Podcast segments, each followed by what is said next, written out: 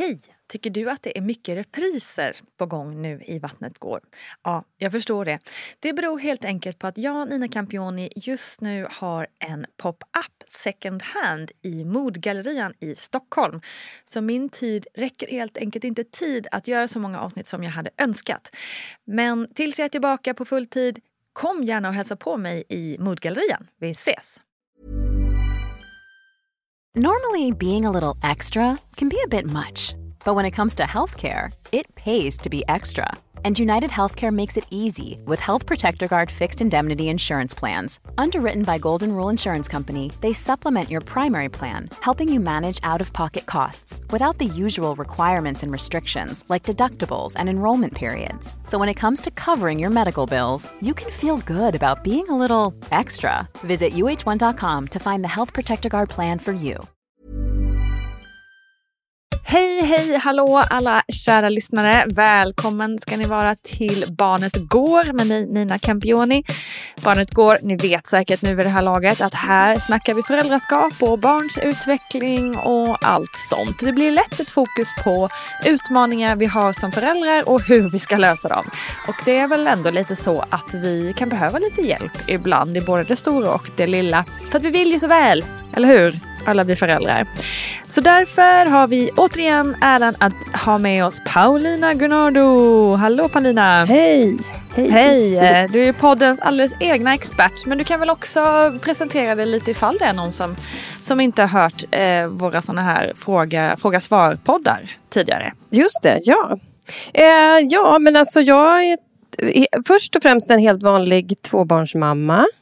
Mm. Eh, och apropå utmaningar så har jag också mina utmaningar och saker jag funderar på liksom hur man ska lösa och sådär.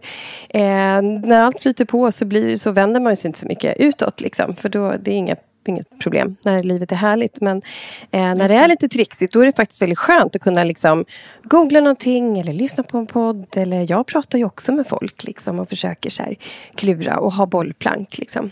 Mm.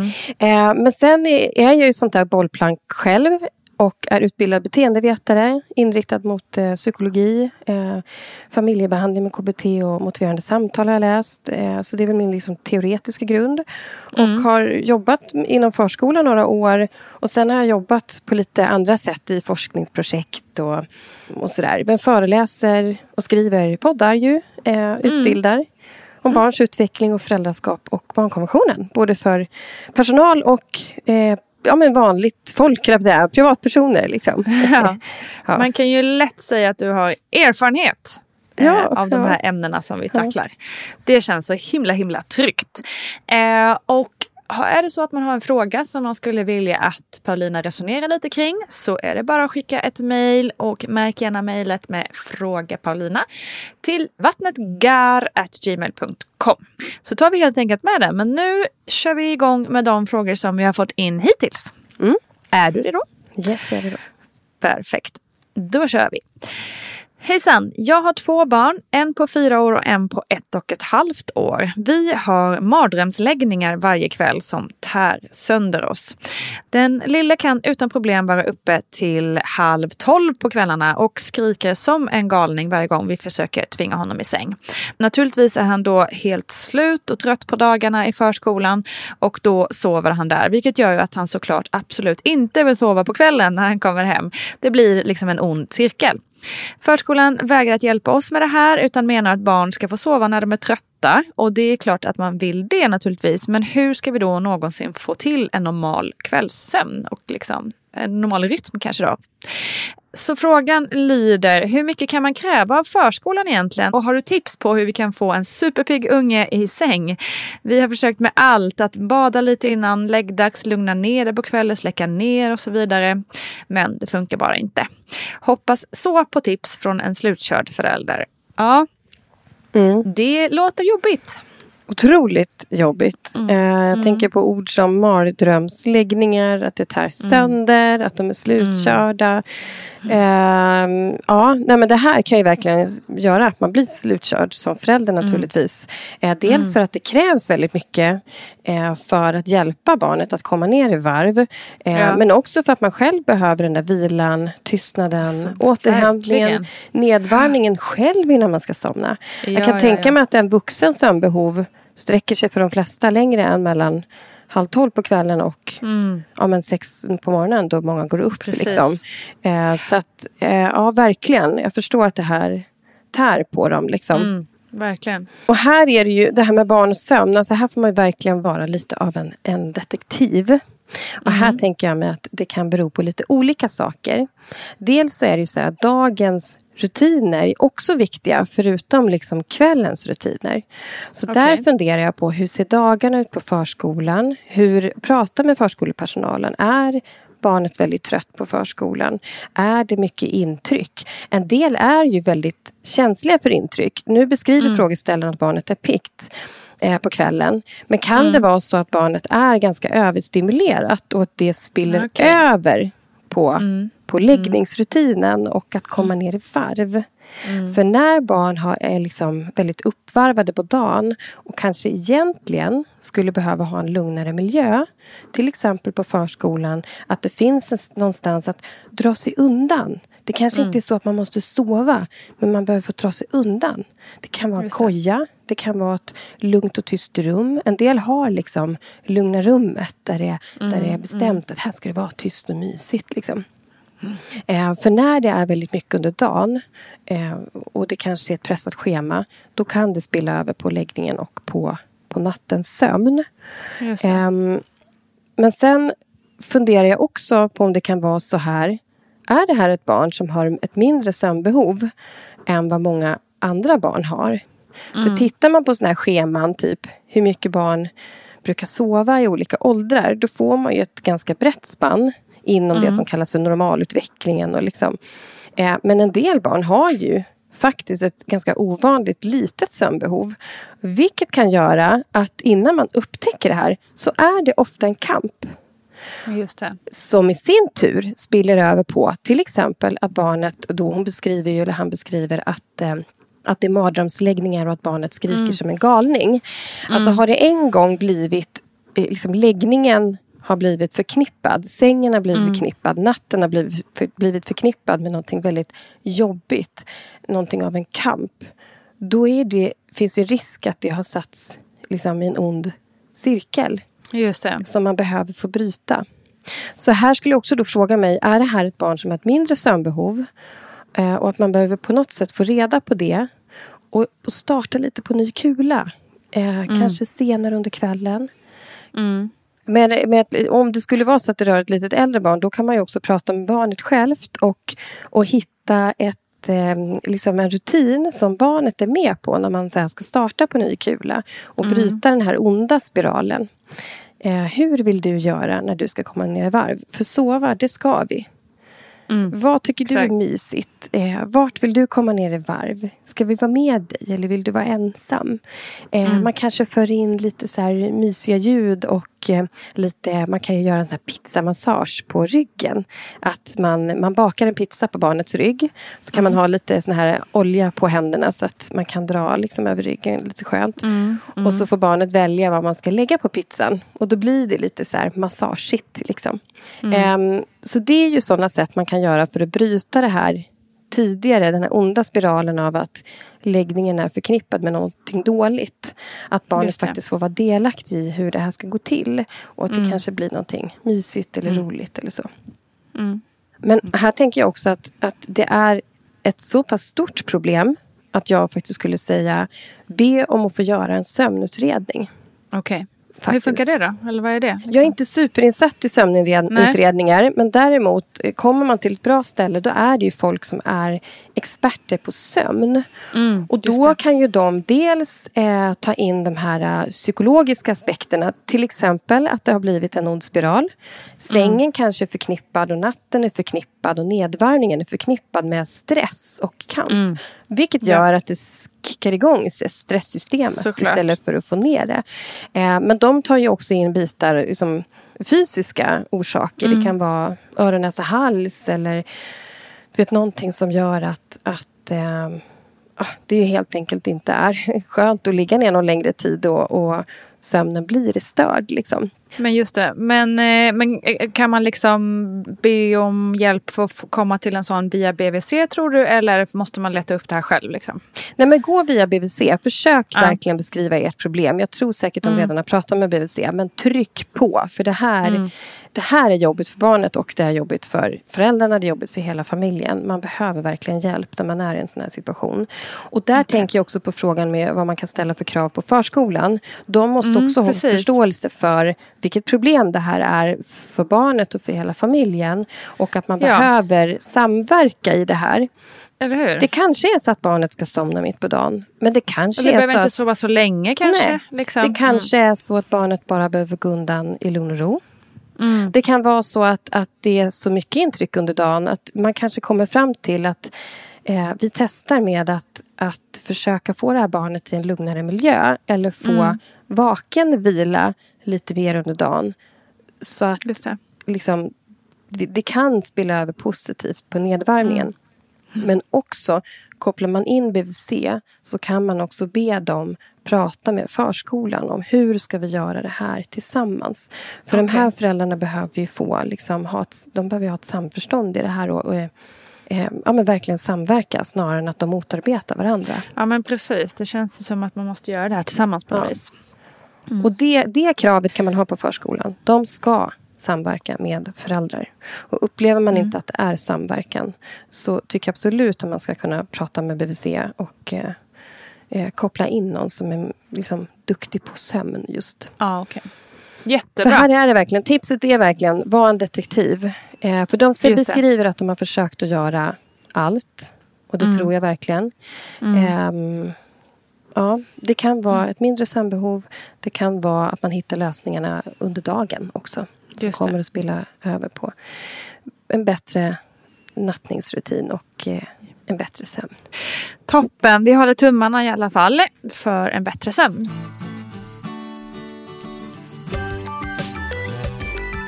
Då kör vi vidare. Hej Paulina och Nina, tack för en bra podd.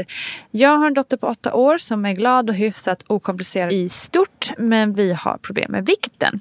Hennes viktkurva har blivit rödmarkerad av skolsköterskan och den pekar rakt uppåt. Och vi ser ju det också. Hon är överviktig, ingen tvekan om saken. Och det är så himla svårt att tackla. Hon älskar mat, vilket vi tycker är fantastiskt. Vi vill att hon ska kunna njuta av maten, men å andra sidan så äter hon gärna tre portioner och mer än oss vuxna ibland. Samtidigt är vi livrädda att prata vikt med henne. Jag har själv haft bulimi som yngre och vill verkligen inte att hon ska känna att hon inte duger eller måste gå ner i vikt på grund av något slags utseendemål. Eh, vi har försökt att prata lite om hälsa, att man måste tänka på vad man äter ur ett hälsoperspektiv, att man inte ska få diabetes eller att kroppen ska åka röra på sig och må bra och sådär. Vi har också lyckats förklara att två portioner är mer än tillräckligt och att hon ska känna efter innan hon tar mer. Eh, oftast är hon ju mätt men vill ha mer för att det är så gott. Inget av det här har direkt hjälpt än så länge och vi vet inte riktigt vad vi mer ska göra. Vi fick rådet att sluta med saft och mjölk till maten och godis i veckorna av eh, skolsköterskan. Men vi har alltid druckit vatten till maten och enbart haft lördagsgodis så det känns som att alla sådana typer av råd gör vi redan. Frågan är kanske mer hur mycket och hur vågar man prata om vikt med en åttaåring utan att det sätter spår som mynnar ut i ätstörningar? Tacksam för hjälp. Ja, Ingen mm. lätt fråga. Nej, otroligt känslig fråga, känsligt ämne. Och jag mm. tänker också att det är väldigt känsligt just för att vi lever i ett väldigt utseendefixerat samhälle. Eh, ja. Kroppen, vikten, det blir lätt väldigt känsligt. Och som mm. frågeställaren är inne på så, så finns det såklart en oro för barnet. Att, eh, för, mm. för en åttaåring har redan mött den här världen ganska mycket. Eh, ja. Och mött den här utseendefixeringen. Mm. Men här tänker jag på eh, detta att oftast är hon mätt men vill ha mer för att det är gott och att eh, frågeställaren har gjort väldigt mycket redan. Mm. Och det kan man säkert som vuxen också relatera till att, att till exempel typ jag borde inte äta mer godis men det är gott och hjärnan signalerar bara men ta mer godis för det är väldigt mm. gott. Eh, att det är lätt att man går på den, den impulsen och att det är svårt att tänka långsiktigt även för vuxna. Gud, ja. Och här är det ju ännu svårare för barn och även för en åttaåring. Att Mm. liksom ta in det här med kroppen och, och, ehm, och också kunna fatta beslut och Mm. hämma impulser eller hämma en längtan eller hämma det här att så här, åh vad gott det är. Mm. Så det jag funderar på det är liksom om man kan, eh, förutom att man naturligtvis försöker att skapa goda vanor med bra mat, eh, till exempel att man sätter fram lite grönsaker liksom innan maten, att man till exempel tar bort saften och serverar vatten istället. Eh, att man också kanske lagar, lagar mindre mat så att man man också tar liksom en portion som man ser så här, men det här är, det här är bra att vi käkar. Liksom. Och, och, och sen om maten på spisen tar slut, det är inte det att man ska neka ett barn mat och säga du Nej. får inte äta. Men däremot så kanske man då fyller på med Säg att man har liksom en, en bra, god knäckemacka till maten eller lite mer grönsaker. Eller att man fyller på det där extra som också är gott, men liksom med något annat. Och sen att man såklart liksom, ja, men verkligen värnar den här matglädjen som är helt fantastisk när ett Ja, barn har. precis. För det är, verkligen, det är verkligen helt fantastiskt att få känna den matglädjen. Att tycka om mat, att umgås kring mat. Eh, det ska man absolut inte ta bort utan snarare vara men väldigt rädd om exakt. tror jag. För det är ju ganska ofta man hör eh, familjer som har det absolut motsatta, att deras barn inte vill äta någonting. Liksom, Exakt. bara äter spaghetti eller liknande. Mm. Ja men exakt. Så snarare att värna matglädjen och liksom kanske hitta på nya rätter tillsammans. Laga mat tillsammans. Och, och kanske planera dagens mat. Att, ehm, även om liksom, den där goda middagen tar slut. Liksom, för man har, man har kanske kokat en viss mängd pasta. Liksom. Ja. Och det är tänkt att alla ska bli mätta och glada och kunna ta om och sådär. Eh, så kommer det ju mer mat, god mat sen. Och det, livet är ju fullt av massa så här härliga matupplevelser. Liksom. Exakt. Just. Ehm, så, men det är väl liksom... Där måste jag ändå vara li- lite försiktig eftersom jag inte är dietist eller läkare. Liksom, Så att jag inte ger mig in i näringsområdet för mycket. Ehm, Nej, just det. Men sen tänker jag också så att det är inte alltid som vi måste prata jättemycket. Eh, Nej. och, och samtala liksom med barnet och sätta oss ner och prata om goda vanor. Det kan också vara en god idé. Och där får man ju liksom känna efter som förälder hur det landar och hur man pratar om det. Men att man är väldigt varsam med det och tänker på liksom vilka ord man väljer. Att man aldrig pratar om att man ska vara smal eller bli smal. Eller du vet. Utan att eh, snarare lägga fokus på att föra in annat i vardagen om de här goda vanorna. Om liksom kärleken till kroppen och lyfta det positiva med kroppen. Och det där görs ju andra stunder än när man äter. Eller andra stunder när man pratar med barnet. Där kan vi som vuxna ha med oss liksom att vi ska väga upp den här faktiskt ganska hemska utseendefixerade kulturen vi lever i. Mm. Att så här, ah, men trycka på med liksom den här fantastiska kroppen och vad den klarar av att göra och att vi Mm. uppmärksammar och att vi pratar om hur skönt det var att springa eller cykla eller hur kändes det där i din kropp eller Exakt. eh, wow, vad, vad häftigt det var var så stark så vi kunde klättra upp för den här stenen. Att man liksom väger upp det positiva med kroppen i den där vågskålen där all utseendefixering trycker ner oss. Just det. Ehm, för jag tänker också att det här blir ju som ett problem att lösa. Dels kortsiktigt men också långsiktigt naturligtvis. Att, eh, att barn alltid får med sig att de är sedda och bekräftade och älskade alldeles oavsett vad. Och att deras kroppar är fantastiska, för det är de. Det är, det är liksom samhället runt omkring som vill förmedla någonting annat. Ja. Ehm, så det är väl liksom det jag tänker på, att man ska lyfta Mm. snarare kroppens funktion. Och, så att när man pratar om hälsa och mat så är det liksom förknippat med det snarare än att säga att vikten är ett problem. Eller att vi ska bli smala eller komma i vissa kläder. Är du med? Just det. Ehm, så det är väl det, är det jag tänker. Och allmänt prat om kroppen. Där finns det ju några sagor som heter sagasagor. Mm, det finns en det. bok som heter Fiffiga kroppen och Finurliga kroppen. Mm. Den är ju fantastisk eh, på att lyfta såna här saker. Där kan man ju få lite inspiration själv som vuxen för hur man kan liksom, prata om kroppen och vad man kan prata om och sådär. Men så att det Jättebra. blir fokus på det positiva. Eh, inte Precis. fokus på, det, på problemet primärt. Liksom. Nej. Mm. Jättebra. Eh, om ett väldigt tufft ämne såklart. Eh, för det är ju precis som eh, man var inne på där, liksom, att man eh, som vuxen har man ju så himla mycket, ja men är själv lite från, från när man har vuxit upp och, och med alla de här normerna, liksom, eller mm. utseende normerna som man har försökt följa. Mm. Uh, så det är tufft. Bra, vi går vidare.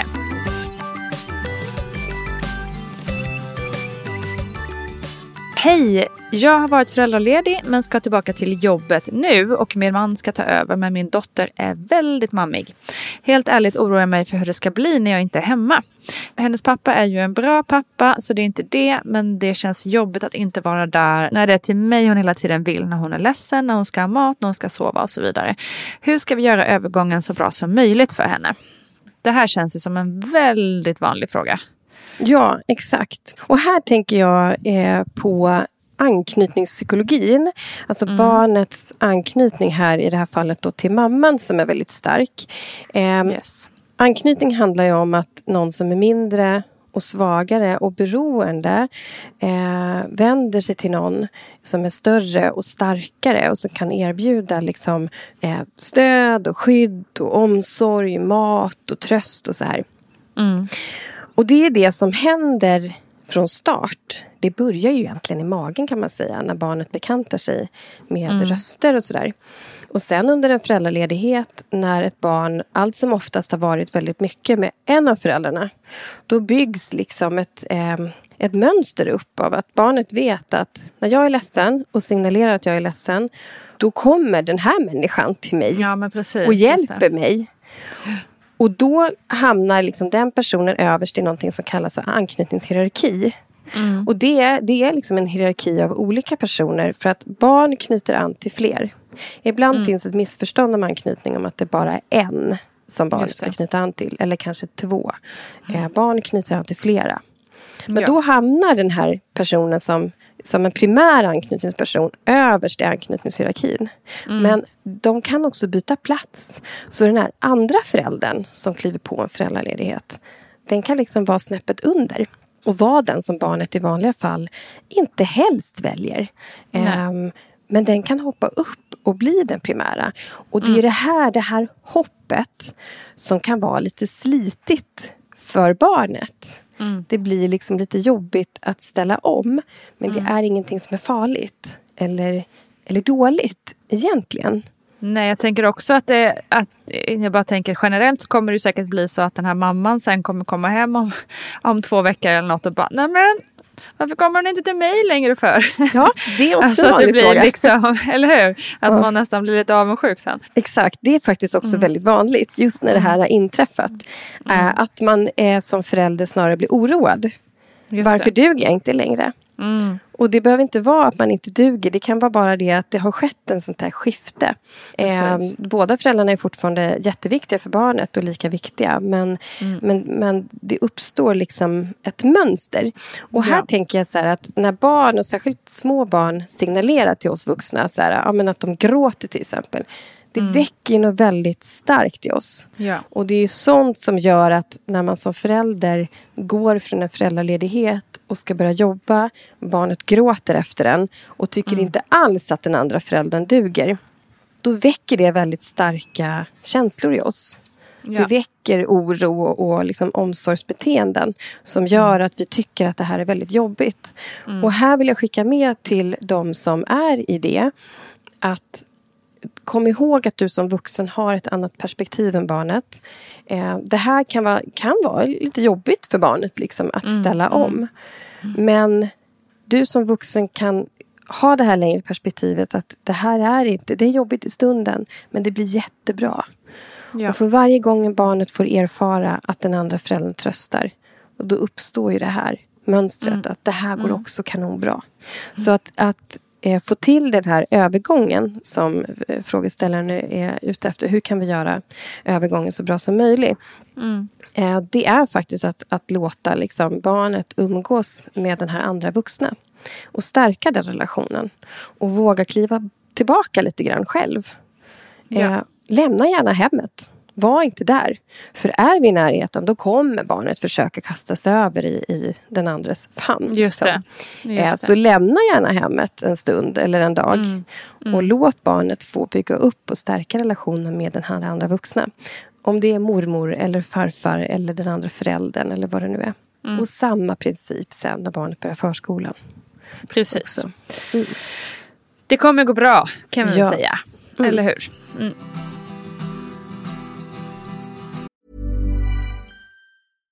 Mm. I'm Ryan Reynolds. At Mint Mobile, we like to do the opposite of what Big Wireless does. They charge you a lot, we charge you a little. So naturally, when they announced they'd be raising their prices due to inflation, we decided to deflate our prices due to not hating you. That's right. We're cutting the price of Mint Unlimited from $30 a month to just $15 a month. Give it a try at mintmobile.com slash switch. $45 up front for three months plus taxes and fees. Promo for new customers for limited time. Unlimited more than 40 gigabytes per month. Slows. Full terms at mintmobile.com. Normally, being a little extra might be a bit much, but not when it comes to healthcare. That's why United Healthcare's Health Protector Guard fixed indemnity insurance plans, underwritten by Golden Rule Insurance Company, supplement your primary plan so you manage out-of-pocket costs. Learn more at uh1.com. Då kör vi nästa fråga. Här kommer en kort fråga för mig. Hur mycket stimulans behöver egentligen ett barn som går i förskola eller skola? Jag menar, hela dagarna stimuleras de ju på olika sätt i skolan och förskolan. Men varje dag har jag dåligt samvete för att jag inte som förälder är tillräckligt aktiv och igång och utmanar dem, leker, spelar spel, gör äventyr och sätter dem i olika idrotter och så vidare efter skolan.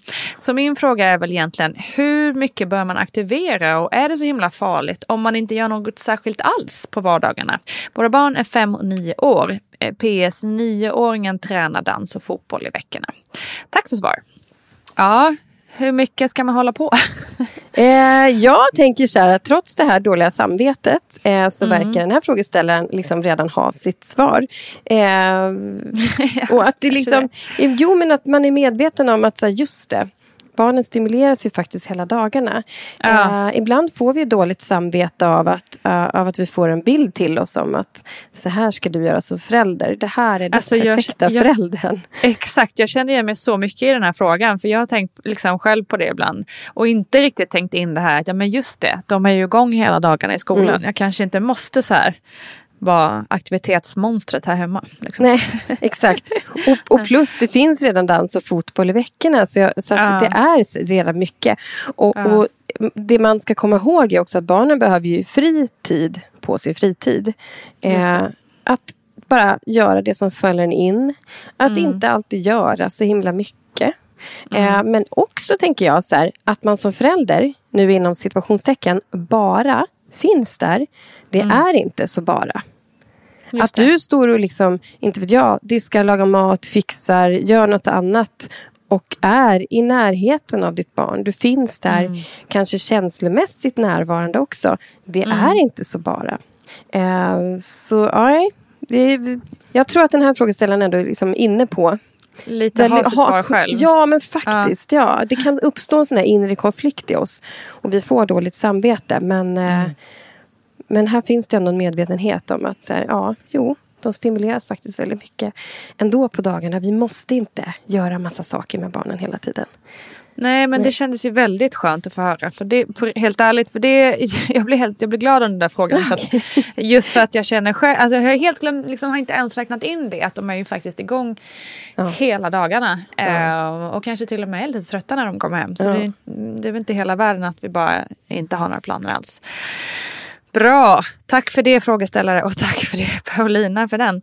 Vi kör sista frågan. Mm. Eh, tack för en bra podd, så intressant alltid. Tack för det.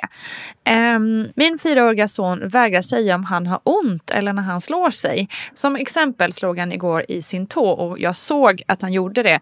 Och liksom man såg på hela hans kropp att, att den spände så att det, gjorde, det var någonting som gjorde ont. Jag frågade då om han slog sig och om det gjorde ont. Nej, säger han då och biter ihop och det gör ont i mig att han, eller rättare sagt om han känner att han inte kan eller får av någon anledning visa att han har ont. Hur kan jag prata med honom om det? Tacksam för tips. Dels så tänker jag så här, hmm, ja, men återigen lite detektiv. Eh, mm. Att man får fundera på, så här, har jag några ledtrådar på varför han reagerar så här? Eh, har han själv eh, upplevt att det är någonting negativt med att uttrycka känslor? Mm. Eh, eller visa att man, gör, att man har ont? Eller är det kanske från kompisar eller någonting annat det här att säga nej, man ska inte ha ont. Eh, sen behöver det liksom inte vara så, men man kan ändå vara lite sådär detektivig och fundera på hur det kommer sig. Men mm. här tänker jag precis som frågeställaren säger, eh, att bekräfta och sätta ord på vad man ser. Eh, det är liksom en av nycklarna för att få barnet att märka att det är okej okay att känna, det är okej okay att uttrycka känslor och, och jag kan också uttrycka vad jag behöver. Att mm. till exempel säga Oj, det, det, där såg ut att göra ont. Gjorde det ont? Ja. Och även om barnet inte svarar då så kan man ju liksom bekräfta det som det kroppsspråk som signaleras här. Mm. Jag ser att du biter ihop och jag ser att du spänner dig. Liksom, mm. Betyder det att det här gjorde ont på dig? Mm. Och man kan också om barnet själv inte vill eh, kan man berätta om någon gång när man själv har haft ont och berätta hur det var och att man kanske var ledsen. Och mm. vad hände då? Vad behövde jag då? Liksom. Eh, att man kanske tycker, själv tycker om när någon kommer och blåser eller tröstar på något sätt och frågar barnet liksom, vad, vad vill du ha? Mm. Vad behöver du? Man kan också ge förslag på, på det. Eh, mm. Vill du att jag blåser? Eller vill mm. du att jag håller om dig? Eller vill du att jag bara sitter här till exempel? Just det. Eh, så att fråga vad han vill och behöver ja. när han får ont och blir ledsen. För får du svar på det i stunden eller kanske en annan, ett annat tillfälle då kanske inte orden behövs sen eh, när det händer nästa gång. Just Utan då vet man, man tittar på varandra och så vet man och så kan man som vuxen ställa de där frågorna, mm. bekräfta mm. vad man ser och fråga om det stämmer och, och mm. finnas där. Liksom. Eh, men när barn också har lite svårt för att sätta ord på vad de känner. Det är någonting som hindrar dem. Liksom. Mm. Då kan man också använda sig av annat än, än pratet. Och det finns bland annat ett kopieringsunderlag från Friendly. Eh, Friendly är känslodockor. Och då finns mm. det liksom ett ritblock som jag verkligen kan rekommendera. Eh, där det är liksom en bild på Friendly som har olika känslor. Bland annat känslan ledsen. Och mm. den är liksom tom, så den kan man eh, sätta sig och fylla i. Och då kan barnet liksom bläddra bland de här känslorna och så kan man fråga så här, men när du är ledsen som Friendly är här, vart känns det på dig då? Just det. Hur, vilken färg har den känslan? Vart sitter den någonstans? Mm. Och ofta kommer det då liksom till exempel barnet har slagit knät, då blir det mm. ofta på knät de ritar. Eller slagit i tån, då blir det ofta på tån. Och då kan man lyfta. Liksom, äh, var det då när du slog i tån? Eller börjar de rita på magen eller huvudet det kanske är ett uttryck för att någonting annat ganska jobbigt har hänt. Man mm, kanske har förlorat mm. ett husdjur till exempel. Mm, och mm. i det ritandet kan man liksom eh, dels hjälpa barnet att bekanta sig med var känslor sitter, att det är okej okay att mm. uttrycka dem och man som vuxen kan snappa upp händelser. Eh, så man liksom lägger pratet utanför barnet. Är du med? Just det. Just det. Eh, kring ritandet liksom. Mm.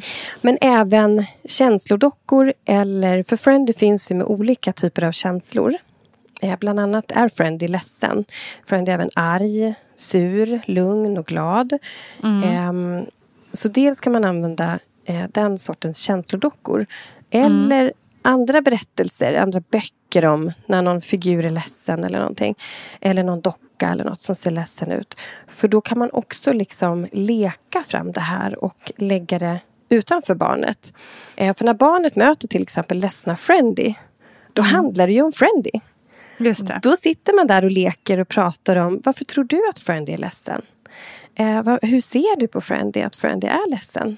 Mm. Och då pratar man lite om det och så brukar barnen börja liksom fundera lite och, och ge förslag. Ja, men det kanske är för att Friendly har slagit sig. Ja, och precis, då kommer okay. det där snacket upp. Mm. Um, ja. Just det. Bra så tips. fortsätt liksom visa att du ser. Sätt mm. ord på det. Eh, tvinga inte fram någonting. Berätta gärna om när du själv har varit ledsen eller haft ont. Eh, mm. Och lägg det också utanför barnet. Eh, lek fram det. Prata om någon bok eller någon docka eller berättelse eller något. Eh, eller rita såna här figurer och eh, beskriv vart olika känslor och sånt kan sitta. Mm. Mm. Jättebra. Mm. Strålande tips. Då hoppas vi att det, något av det kommer gå hem. Eh, och tack för alla himla fina tankar och tips och eh, kloka råd, Paulina. Eh, vi kör en sån här eh, sittning snart igen tycker jag. Så skicka in frågor om du har några till vattnetgar.gmail.com så lovar vi att ta upp dem här vidare i podden. Eh, men nu så tackar vi för idag. Eh, ha det så bra Paulina, så hörs vi snart. Detsamma. Och tack alla som har lyssnat. Eh, ni vet att det finns en mammagrupp på Facebook också där man kan fortsätta diskutera de här sakerna eller helt andra frågeställningar naturligtvis. Och nästa vecka så kommer ett nytt avsnitt av Vattnet går också. Vi hörs och ses snart. Hej då!